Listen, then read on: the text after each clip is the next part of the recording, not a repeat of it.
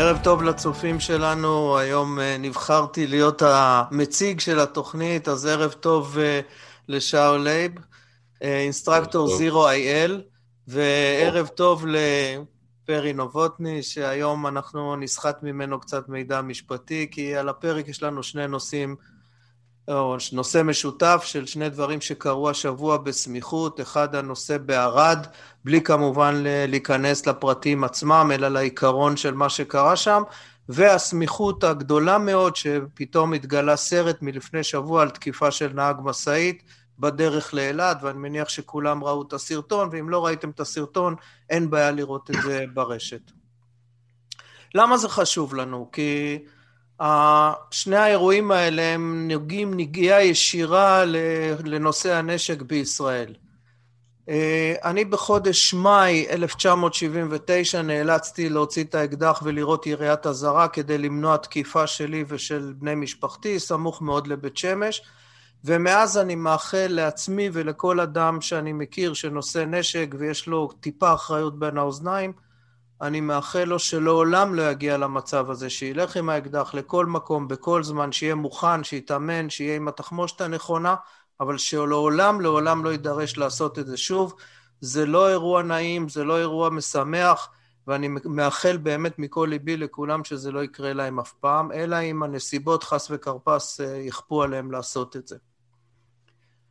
אה, אני מסתכל על שני האירועים האלה ב... איך להגיד, בשני היבטים. אני הופך כל הזמן בראש שלי את המשחק. מה היה קורה לו האיש בערד לא היה לו אקדח, ומה היה קורה אם לקבוצת בנות הזאת שישבו באוטו כן הייתה מישהי חמושה בפנים, ואני מנסה לראות מה, איך מסדרים את התסריט הזה. עוד דבר שאני מאחל לעצמי, שאם חס וחלילה אני אקלע למצב שבו אני אסתכל מהחלון של הבית ואני אראה מישהו גונב לי את האוטו, גם אם זה יהיה בפעם השנייה או השלישית, כפי שתיארו את המקרה של האיש מערד, אני מקווה מאוד שיהיו לי את הכוחות להתאפק ולא לעשות שום דבר ולנהוג בחוכמה. ואני לא אומר את זה כי אני שופט אותו, לא הייתי שם, אבל אני רוצה, אני אומר את זה לגבי עצמי. וכאן יש לנו שתי אפשרויות להמשיך את הדיון. אחד, יש לנו את פרי שייתן לנו את הצד המשפטי של כל הדבר הזה, וצ'אול שייתן לנו את האיש נקודת המבט של איש נוסף שנושא נשק הרבה שנים לכל מקום ובכל מצב. תודה, אבי. אני חושב קודם כל שבמישור הפרפורמנס אנחנו נהפוך אותך למציג הקבוע של, אני בעד, אני בעד. התוכנית. אוקיי. ב-99% ממקרי הקצה ההיגיון רץ במקביל לחוק. לא יודע מה היה בערד, לא הייתי שם, לא מכיר אף אחד שהיה שם. אני מדבר על אירוע כרגע שלא קשור לאירוע דמיוני מפרי דמיוני שכל קשר בינו לבין המציאות לא קיים. אני לא רואה שום סיבה שבעולם לבצע ירי על עבריין רכוש אם הוא לא מסכן אותי או מי אה, מבני משפחתי או אזרחים בכלל, בני אדם בכלל. אני לא יודע מה היה שם, שוב פעם אני חוזר, יכול להיות שהוא הרגיש סכנה, זה כבר הופך את המשחק למשחק אחר לגמרי. בנושא של אה, אותם ארבע, אותן ארבע בחורות עם הצעקות וכל הבלגן הזה שמצולם שם, אני לא יודע, מהצד היה נראה לי, כי מי שרואה את הסרטון, ואני מאוד נזהר, על כוס קפה ובמזגן, שמה שהיה צריך לקרות שם זה שמישהי תשבור את ההגה ימינה, תחייך אליו יפה ותמשיך לנסוע. עוד פעם, זה היה נראה מהמקום שלי, במזגן ובכיף שלי ובסבבה, בלי כרגע צריכה להיכנס לאקדחים או לראות או לא לראות. אני כן הולך עם הנשק איתי לכל מקום, והוא לעולם יהיה איתי, כל עוד מדינת ישראל תיתן לי, ואני אעשה כל מאמץ, ואני אומר את זה לכל מי שאני מדבר איתו, לא להשתמש בו, גם במחיר של פגיעה בכבוד שלי, פגיעה ברכוש שלי, ופגיעה ב... אני לא יודע מה. אם אני יכול באותה סיטואציה לשבור את ההגה ימינה, לחייך אליו יפה או לא לחייך אליו, ולעוף משם, אז אני אעוף משם. ובמקרה של אירוע שבו הרכוש שלי נגנב, או, או אני לא יודע מה, אם אין סכנה לי או למשפחה שלי, אני רוצה להאמין, כמו שאמר אבי, שאני אהיה מספיק מאופק להכין את הטלפון של הסוכן ביטוח בשלב, ובשנייה שהבן אדם נעלם, להתקשר לסוכן ביטוח. חברים, אני רוצה להגיד משהו. אני הייתי מעורב בלא מעט מקרים שנידונו בבית משפט, וכולל שהלכתי להעיד עבור חניך שלי בקורס, שהוא הלך ברחוב, הוא ראה ריב שבין פועלי בניין, ואחד הפועלים עמד להנחית קרש עם מסמרים על פועל אחר, הוא התייצב בין שניהם, שלף אקדח, כיוון לעבר זה שהיה עם הקרש, ההוא הוריד את הקרש, הסיפור הזה עלה לו עשרות אלפי שקלים בעורכי דין, והוא אמר לי בגלוי, אבי, בפעם הבאה אני לא רואה את זה יותר. שאני כאזרח מאוד חושש ממצב שיעופו פה כדורים ברחובות, משום שגנבו למישהו משהו. סיפר לי פעם מישהו בחניך באיזושהי הרצאה, הוא אמר לי, כן, אתה יודע, אבא שלי, היה לנו פורץ בבית, והוא רדף אחריו לרחוב, והוא ירה שלושה כדורים, ובאה המשטרה ולקחו לו את האקדח וחקרו אותו. ואמרתי לו, אתה יודע מה? טוב מאוד. טוב מאוד. כי אני והילדים שלי גרים במורד הרחוב, תיאורטית, כן? ואחד כן. הכדורים האלה היה יכול לפגוע בנו. אז אני גם רוצה שלציבור יהיה ברור שנדרשת כאן מידה מסוימת של אחריות, וראינו מקרה כזה עכשיו בכפר סבא לפני כמה זמן, למי שזוכר, אולי נשים קישור בהערות לתוכנית. כן, זה מקרה מטומטם מאוד למען האמת, כן, זה התנהגות חסרת אחריות. אז עד כאן, עד כאן הנקודה הזאת, ואפשר מבחינתי להתקדם הלאה. תראו, אני, אני אומר שוב, אני, לא ירד, אני מקווה שאני לא ארדוף אחרי אף אחד, כי אין לי שום כוונה לעשות את זה, ועשיתי את העבודה עם עצמי הרבה פעמים, כי באמת אין לזה שום הצדקה, בטח לא להרוג מישהו על גנבת רכב וזה... אני לא... זה ממש בעייתי, אני לא, אני לא רוצה בכלל לעמוד ב, בסיטואציה שמישהו יחדור אליי הביתה ואיך אני אנהג אז, אה, שזה גם שאלה בעייתית אה, בצורה בלתי רגילה, אבל אה, בהחלט העניין הזה של הבנות האלה בערד, שהן חסרות הגנה לעומת האיש הזה שחמוש בפטיש אימתני, כפי שראינו, אני לא יודע מה היה עושה חמוש באותו רגע, ואני שואל את עצמי כבר כמה ימים את השאלה הזאת, ואולי אתם יודעים לענות לי מה אתם חושבים אני, אני חושב, אני חושב שהדיון ש, שמערב את, את שני, ה, שני המקרים הוא, הוא נכון מבחינה כרונולוגית של הזמן, אבל הוא לא נכון מבחינה משפטית, כי מדובר באירועים שונים לגמרי. באחד על פניו נשקפת סכנת חיים, ובשני הסכנה היא על פניו לרכוש, ולכן אני מציע להפריד את הדיון. Okay. אוקיי. אבל עוד דבר קטן בהקשר הזה. אני מסתכל, כמו כולנו, על, ה, על הגלים של התגובות שהדברים האלה, שהאירועים האלה, לפחות האירוע בערד, עוררו ברשתות החברתיות, ואני אומר לכם, כמות השטויות, בהיעדר דרך אחרת להגדיר, כמות השטויות שאנשים אומרים, היא מסוכנת מאוד, ויתרה מכך, גם בן אדם שכותב צריך להרוג גנבים, אז יכול להיות שחוקר משטרה או תובע, אה, כאשר הוא ייקלע באמת לאירוע של סכנת חיים, יחפש באינטרנט, שיחפש באינטרנט, ימצא איזה, איזה משהו שהוא פלט בשעת תסכול או כעס, וזה ישמש נגדו. אני זוכר שבפרשת עזריה חפרו לכל המשפחה, אלאור עזריה, חפרו לכל המשפחה שם באינטרנט, והפכו אותם לתומכי לה פמיליה, והפכו אותם לגזענים, והפכו אותם לפה ולשם. לא יודע אם זה נכון או לא, אבל חברים, בבקשה, באמת, קצת בגרות וקצת שכל, אל תכתבו שטויות כי אתם תטעו חברים שלכם ואתם עלולים לסבך את עצמכם, וזה עוד נקודה שחשוב להגיד לדעת. זה לא רק זה, יש שם אנשים מביאים... סליחה רגע, אבי, בהקשר כן. הזה, בהקשר הזה, מתנצל אבי, אה, לא, לא, זה, זה אחת הסיבות שאמרתי את מה שאמרתי מקודם. במדינה שבה אני חי, בהלך הרוח הקיים, אה, בכל המעטפת שנמצאת סביבי, אני עדיין אומר, ואני גם מלמד את זה, ואני מאמין בזה, שבמקרה של עבירת רכוש, במידה ויבוצע שימוש בכוח שהוא טוטאלי, משמע ירי, לא הגנה עצמית באמצעות, אפילו איום בנשק, בסדר? הסיפור הזה יעלה הרבה הרבה יותר מגניבה של רכב, גם אם אין לו ביטוח. אני חי בתוך עמי, אני מכיר את המטריה. אני לא חי בארצות הברית, ביתי הוא לא מבצרי פה, על פניו, או חוקים כאלה ואחרים שקטונתי מלהיכנס אליהם. אני יודע שמי שיבצע פה שימוש בנשק ולא יהיה יותר צדיק וטהור מהאפיפיור, הוא יסתבך. ובגלל זה אני עוד פעם אומר, על עבירות רכוש, אני לא מוצא מקום לפתיחה באש. אבל אני חושב שאנחנו הולכים סחור סחור וצריך אה, לגעת כבר, אה, הצופים כבר אומרים, טוב, חבר'ה, בואו תגידו לי מה מותר ומה אסור, תעשו את הניתוח שהבטחתם בכותרת של התוכנית. אז ברשותכם, אלא אם כן מישהו רוצה להעיר עוד משהו, אני רוצה לגשת רגע לנושא. לא, לא, זה, עכשיו זה המשחק שלך. טוב, תודה אבי, תודה שאול. אני אגש לצד המשפטי ואני אנסה להיות הכי פרקטי שאני יכול. אני, לצערי, נאלץ להסכים עם דבריו של חברי שאול בכל מה שקשור לשימוש בכלי ירייה ביחס להגנה על רכוש. כעורך דין אני לא יכול לומר שזה בלתי אפשרי אה, למצוא איזושהי סיטואציה שבה שימוש בכלי ירייה כדי להגן על רכוש אה, יהיה דבר שיעמוד בדרישות של החוק, אבל זה מאוד מאוד מאוד נדיר.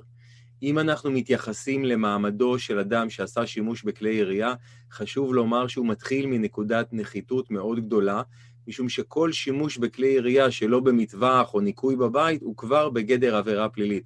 כלומר, גם ירי מחוץ למטווח, גם ירי בשטח בנוי, בוודאי איום בנשק, בוודאי ירי לעבר אדם, כזה שפוצע אותו או גורם למותו, זה עבירה פלילית. ומי שעשה שימוש בכלי ירייה גם להגנה עצמית, צריך להוכיח שמדובר בהגנה עצמית. וזו הנקודה שמאוד חשוב לזכור, כלומר, תנאי הפתיחה הם מאוד לא טובים. הסעיפים הרלוונטיים כדי אה, להגן על אדם שביצע שימוש בכלי ירייה הם בעיקר סעיף ההגנה העצמית, סעיף 34י לחוק העונשין, וסעיף שמכונה אה, חוק שי דרומי, הגנה על בית מגורים, בית עסק ומשק חקלאי מגודר, אה, סעיף 34י1 אה, בחוק העונשין. בכוונה אני אומר את השמות של הסעיפים, כי אני מאוד אשמח אם אתם תלכו לגוגל, תעשו חיפוש, תקראו את לשון הסעיף בעצמכם. אה, זה הדרך הטובה ביותר להכיר את הסעיף ולראות עד כמה שהדבר הזה מורכב. בגדול, סעיף 34י, סעיף ההגנה העצמית, חל על כל אדם בישראל בכל מקום. לעומתו, סעיף 34י1, שמכונה דרומי, חל רק בבית מגורים, בית עסק ומשק חקלאי מגודר, וגם ההגדרות הללו הן מעט בעייתיות. בית עסק למשל לא מוגדר בכלל בחוק העונשין. בית מגורים מוגדר בחוק העונשין, אבל לא מוגדר ספציפית ביחס לאותו סעיף שאנחנו מכנים דרומי, ויש פה בעייתיות. מה ההבדל בין הסעיפים? סעיף 34י1 דרומי נותן הגנה מורחבת כאשר אדם מגן על אה, ניסיון כניסה אה, או התפרצות לביתו, לבית העסק שלו, למשק החקלאי המגודר שלו, אה, וזו נקודה שמאוד מאוד חשוב לזכור. כלומר, בניגוד לסעיף ההגנה העצמית הרגיל, שבמסגרתו אדם יצטרך להראות שהתקיימו מספר תנאים, ותכף אני אקריא אותם, אני אפרט, ביניהם תקיפה שלא כדין, כאשר אנחנו מדברים על ביתו של אדם, על בית העסק שלו, משק חקלאי מגודר, שוב, אנחנו מדברים על כך שהמעשה נועד באופן מיידי, נדרש באופן מיידי, כדי למנוע אה, התפרצות או כניסה של אדם אה, לאותו מקום כדי לבצע עבירה. כלומר, אלמנט התקיפה שלא כדין, שנדרש בסעיף ההגנה העצמית הכללי הרגיל, לא מתקיים. דבר נוסף, בסעיף 34י, סעיף ההגנה העצמית הרגיל, יש דרישה לסבירות.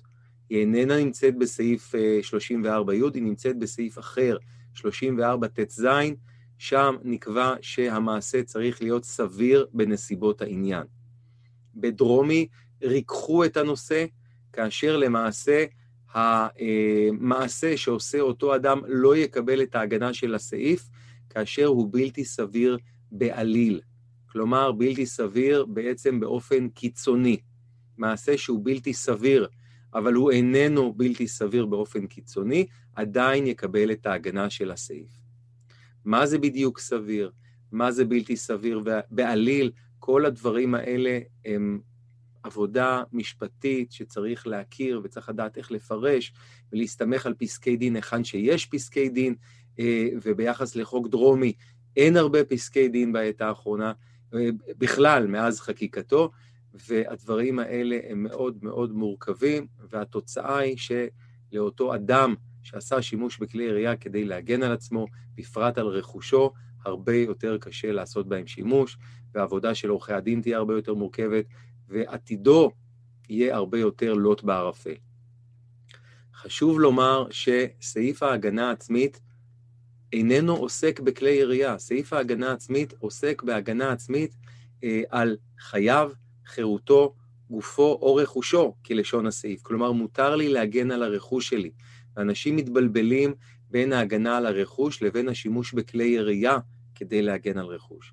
בדרך כלל, השימוש בכלי ירייה כדי להגן על רכוש ייפול בדרישת הפרופורציה. לא מתקיימת פרופורציה אה, בין הנזק שכלי ירייה עשוי לגרום, ובין הנזק שיגרם אילולא יעשה שימוש בכלי ירייה כדי להגן מפני הגניבה. כלומר, זה סך הכל רכוש, על אף שרכוש הוא יקר לאדם ולפעמים אין לו תחליף. החוק בישראל בדרך כלל לא מכיר בשימוש בכלי ירייה אה, כלפי הגנה של רכוש.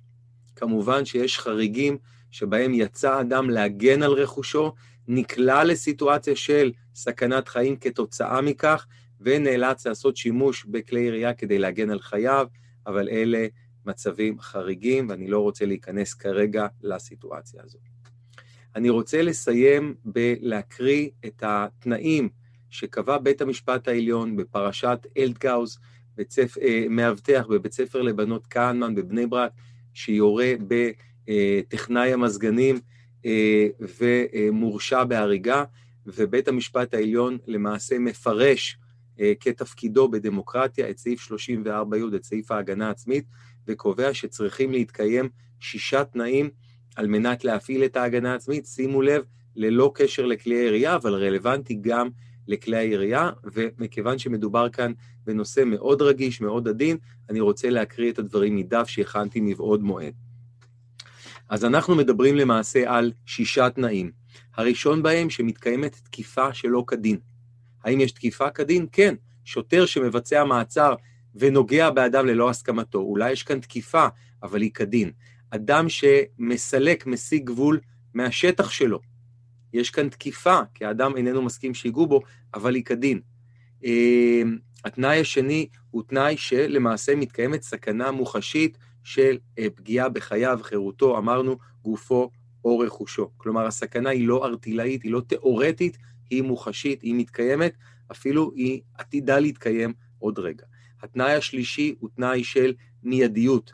כלומר, המעשה צריך להיות עכשיו דרוש כרגע באופן מיידי, לא משהו שעוד לא קרה, לא סכנה שחלפה. התנאי הרביעי הוא שהאדם לא נכנס בהתנהגותו הפסולה לסיטואציה, תוך שהוא צופה מראש את אפשרות התפתחות הדברים. שימו לב, שני תנאים שצריכים להתקיים זה לצד זה, ביחד. אם נסתכל למשל על האירוע של נהג המשאית שהזכרנו קודם, אם אותן נשים ברכב קודם לכן אה, עשו כל מיני דברים על הכביש, ניסו להוריד את, אה, להפריע לנסיעת המשאית וכולי, הדבר יכול להיחשב להתנהגות פסולה, שניתן לצפות שיכולה להוביל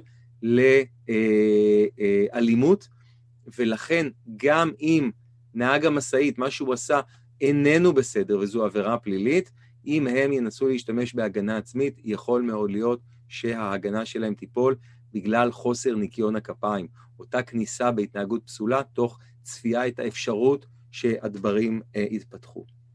אה, התנאי החמישי הוא תנאי של נחיצות, שלמעשה הכוח שהפעלתי, בין אם זה הבחירה שלי בסוג הכוח שהפעלתי והכמות של הכוח, כלומר נחיצות איכותית וכמותית. אם אני יכול להשתמש בידיים ואני משתמש בכלי ירייה, אז, כמות, אז איכותית השתמשתי בכלי איכותי יותר מעבר לנחוץ, וזה יכול להפיל לי את ההגנה. הנחיצות הכמותית, כמה מכות נתתי או כמה כדורים יריתי, שוב, תשימו לב לניואנסים עד כמה שהדבר הזה מורכב. והתנאי השישי הוא תנאי של פרופורציה, אה, יחס ראוי בין הנזק הצפוי מפעולת המגן לנזק הצפוי מן התקיפה. לתנאים הללו יש להוסיף תנאי נוסף, תנאי שביעי אם תרצו, שמדבר על חובת נסיגה.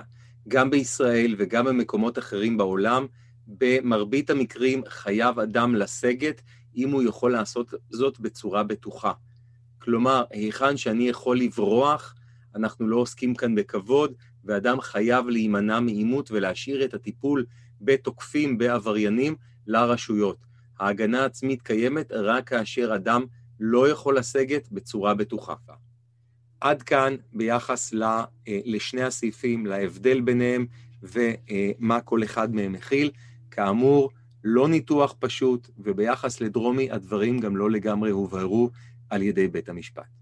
אה, אני, תוך הבית, מישהו נכנס לתוך הבית, אני צריך לסגת אחורה עד חדר שינה ולראות אם הוא לוקח את הטלוויזיה, אין לי 60 אינץ', אבל משהו ימצא בסלון אצלנו, ואם הוא הולך אז זה בסדר, או שאני צריך לחכות שהוא יגיע אליי לחדר שינה ורק אז מותר לי לראות, או... אתה יודע, אבי, האומנות של, אה, של, של פרשנות של חוקים, אה, היא ניתנה לבתי משפט, ואנחנו, עורכי הדין, אוהבים לצטט את בתי המשפט לאחר שהם כבר פסקו. כן, ברור. כלומר, אבל... יפה, כלומר, לי קל לבוא לפסק דין דרומי ולהגיד לך, תראה, אבי, אני, מה שאני מציע לך, לעזוב את ביתך ולעבור לגור בחוות בודדים בדרום, כי יש על זה כבר פסק דין, אז אני יותר בקלות יכול להגיד לך מה יהיה. אוקיי, עכשיו, קצת, זה פחות מה, פרקטי כרגע. מה, אז זהו, תשקול. אה, מה, מה פה הבעיה? הבעיה שחוק דרומי לא נמצא בהרבה פסקי דין מאז. מצד אחד זה דבר טוב, כי זה אומר שהמשטרה והפרקליטות מצאו לנכון לא להעמיד לדין, וכנראה סגרו תיקים. או שאנשים מצאו לנכון לא לראות על עבירות רכוש. אולי אנשים לא יראו. ומצד שני, זה אומר שאני בתור עורך דין, כל מה שאני אגיד לך עכשיו יהיה my best guess. עכשיו, אני אנחש, אני אתן לך רגע ניחוש, כי שאלת, אבל היה לי נורא חשוב להבהיר למאזינים ולצופים, שמה שאני אגיד, יכול להיות שיבוא בית משפט ויגיד, בכל הכבוד לפרי נובוטני, הוא טועה. כי בית משפט מחוזי הופך החלטות של בית משפט שלום, ובית משפט עליון הופך של, של מחוזי, והמחוזי משנה את דעתו בהרכב אה, אה, אה, גדול יותר בדיון נוסף. אלה דברים שמאוד חשוב אה, אה, להבהיר אותם. עכשיו, ואי ידיעת החוק אינה פותרת כתוצאה מהדברים האלה, אומר הפתגם העממי הידוע. ולכן אני אענה באופן תיאורטי. נכנס אליך אדם הביתה, קודם כל, האם זה נכנס בגדר דרומי? אז התשובה היא כן. אוקיי? כי אתה נמצא בתוך בית המגורים. אגב, אם אתה נמצא בחצר, המצב הוא כמובן כנראה אה, אה, שונה, וצריך פה מאוד לדקדק בהבדלים, אוקיי? יש לך שבריר שנייה לקבל החלטה ולדעת, אבל uh, לבית המשפט יהיה הרבה זמן לדון בזה. אני בכוונה חידדתי הביתה, אני גם גר, uh, למי ש... לא משנה, אני גר באזור שגם יש סכנה של פח"ע, אז uh, פחות, אומנם מופחתת, אבל היא קיימת, אבל החדירה הביתה הדאיגה אותי לא פעם בנושא הזה. אז, אז אני, אני ממשיך רגע בדיון, אוקיי? אז אמרנו שדרומי חל עליך, אוקיי? עכשיו בואו נסתכל, האם המעשה דרוש באופן מיידי להדוף מי שמתפרץ או נכנס? האם אני חייב לראות בו בנסיבות העניין? והאם ירי בו ייחשב בעיני בר דעת לצורך העניין, אדם שמפעיל את ההיגיון, מעשה שהוא בלתי סביר באופן קיצוני. עכשיו, okay. אוקיי. מאוד, מאוד קשה להשיב על השאלות האלה, אבל אני חושב שאם עכשיו אתה מציץ מחדר השינה, רואה את הדמות בסלון, נותן בו כדור, בלי שום אזהרה, בלי לעשות שום דבר וכולי וכולי, על פניו אני בהחלט חושב שזה מדגדג אם לא עובר את הרף של הבלתי סביר באופן קיצוני. Okay. אוקיי. עכשיו, כמובן שאם הוא כבר נמצא בפתח חדר השינה שלך ועוד רגע הוא עליך ואתה במיטה, ו... אז זה כבר נראה הרבה פחות מבלתי סביר באופן קיצוני. והשאלה, איזה עוד אלמנטים יש כאן? האם היה לך זמן להזהיר? האם היה לו משהו ביד? האם הוא היה בשלב של נסיגה, איך שהוא ראה אותך או שמע איזשהו רעש וכולי וכולי, ואת התמונה הזאת יגבשו אנשי המשטרה על בסיס העדות שלך, מז"פ, אה, שיותיר כנראה ממצאים בשטח, מצלמות אבטחה אם יש וכולי וכולי, ולכן אני חוזר ואני אומר, השאלה שתישאל, א', האם דרומי חל בכלל? אם כן, האם המעשה היה דרוש באופן מיידי כדי להדוף את אותו אדם שנכנס או התפרץ כדי לבצע עבירה, ושלוש, האם המעשה היה בלתי סביר באופן קיצוני? כמובן, האם אתה בהתנהגות הפסולה שלך הבאת לאירוע, כי אם אתה רואה אותו ברחוב ואתה צועק לו, כן, יסלחו לי הצופים על הביטוי, בואי הבן זונה, נראה אותך עולה, והוא עכשיו עלה וירית בו, ואתה אומר, אה, חוק דרומי, אז כמובן שהמעשה לא ייכנס בגדר הסעיף. לא, ברור, לא נלך לקיצוניות הזאת. אני חייב להגיד לך, פרי, Uh, התחלתי בזה שאמרתי uh, שאני לא ממליץ לאף אחד, פה במדינת ישראל, לבצע ירי בנוגע לעבירות רכוש, וכל ההרצאה שלך של העשר דקות, רבע שעה האחרונות, רק מחזקת לי את זה. כי שים לב כמה עורך דין עם עשרים שנה ותק צריך להתחיל לפרש ולהסביר ולחשוב ולנתח, ומה הסיכוי של אזרח עכשיו לצאת מתוך סיטואציה כזאת. ואני חוזר ואומר, במדינת ישראל, בהלך הרוח, באיך שבתי המשפט רואים את הדברים, אין מה לפתוח באש, זה יעלה ביוקר הרבה יותר מכל רכוש גנוב. אם אין סכנת חיים, צר לי. להגיד שאני אוהב את זה, להגיד שאני חושב שזה צודק, לא, אבל זאת המציאות פה. ככל שאני הולך ומתבגר, אני רואה כמה עוולות, כמה עוולות, על, על כמה עוולות משלם המחיר האזרח על כך שהממשלה פועלת בצורה אה, חסרת, אה, אה, אה, אה, לא יודע איך לקרוא לזה, אוקיי? בצורה מחפירה. ככל שמדינה היא מדינה יותר מדינה של, אה, של חוסר שלטון, אז נותנים לאזרח להגן על עצמו יותר. וזה מקובל, יש ערים בארצות הברית, אם ניקח רגע דוגמה רלוונטית מארצות הברית, יש ערים בארצות הברית שלפי חוק עזר עירוני, בכל בית חייב להיות רובה, חייב להיות כלי ירייה, אוקיי? חייב להיות כלי ירייה כי יודעים שזמן התגובה בקהילה הכפרית הזאת, זמן התגובה של השריף זה חצי שעה 40 דקות, חוקקו חוק, אתה חייב שיהיה לך נשק. במדינות שבהן הכל מסודר וזמן התגובה של המשטרה הוא קצר וסביר והפשיעה נמוכה, אז נוטים יותר לקחת את הזכות של האזרח להגן על עצמו כדי לשמור על יציבות שלטונית ולמנוע פגיעות מחפים מפשע וכולי. מדינת ישראל עוטה על עצמה מסכה של המדינה מהסוג השני. מדינה מודרנית, שיש שירותי משטרה, שהכל מסודר, שהפשיעה נמוכה. בפועל, בחלק גדול, בחלקים גדולים מהמדינה, המצב הוא דומה יותר לדוגמה הראשונה מארצות הברית. ואז מה שקורה, אין שירותי משטרה, האזרח נאלץ לקחת את החוק במרכאות לידיים להגן על עצמו, ואז באה אותה משטרה שבצדק או שלא בצדק, באשמתה או לא באשמתה, כי יש פה פוליטיקאים שלא נותנים להכיל ריבונות, באה אותה משטרה וחוקרת אותו, לוקחת לו את הנשק, ומערכת משפטית שאומרת לו, אבל איך עשית? זה בניגוד לחוק, ושמה אותו בכלא. וזה הדיסוננס שאותי מאוד... זה לא רק זה, יוצר פה, נוצר פה מצב הפוך, כי המדינה מפחדת, והיא רוצה, היא מפחדת על ה, בעצם על המהות השלטונית שלה, אבל בעולם שלנו אין ואקום, ואיפה שהמשטרה לא מצליחה להתמודד כי לא נותנים לה, כי לא נותנים למשטרה להתמודד, אז צומחים לעצמם כל מיני ארגונים כמו השומר החדש, שאגב הוא ארגון מדהים, הוא ארגון של אנשים מדהימים, אבל שים לב מה קורה פה. שים לב מה קורה פה, צומח פה ארגון שבא לתת מענה ללקות, לוואקום בעבודה של המדינה. בסוף המדינה מנסה להציג, להציג פה לפעמים איזשהו מצג שווא של מדינה מהסוג השני, של אנחנו שולטים בהכל ואנחנו ריבונים ואנחנו נספק את המחסה ואת ההגנה, וזה לא עובד ככה, אולי במרכז, אולי במרכז תל אביב, אולי אני מדגיש זה ככה, זה לא ככה בצפון, זה לא ככה בדרום, זה לא ככה בספר, גם לא במזרח. וזה... אתה יודע, שאול, מי שצריך להפעיל פה ריבונות זה אבי, שקיבל את, התוכ... את התוכנית, לנהל את התוכנית, והוא צריך להגיד, חברים, אני נאלץ לעצור אתכם, והוא לא מפעיל את ריבונותו. אני מרותק לשיחה, אז אני שוכח... אבל רגע, פרי, אני חושב שגם לך יש משהו קטן להגיד, לא? איזה... כן, כן, כן, בהחלט, תודה רבה שהזכרת לי. אז uh, אני אתן לאבי uh, לסיים את התוכנית, אבל uh, אני, חשוב לי לומר לצופים ומאזינים, שהתוכנית הבאה, תהיה תוכנית מאוד מיוחדת, אה, משום שאנחנו נדבר בה על אה, הקלות שרצות בשמועות בשבוע האחרון, פחות או יותר, על כל מיני דברים שעתידים לקרות. ואני יכול אה, לתת לכם ככה בתור כותרת, הדברים האלה אומתו על ידי גורם בכיר באגף רישוי כלי ירייה, באוזניי, והם הולכים להתקיים, כל זה... הקלות אמרת? סליחה? הקלות אמרת? הולכות להיות הקלות מאוד מעניינות בתחום שלנו, בתחום כלי ירייה, בתחום של מטווחים ואביזרים.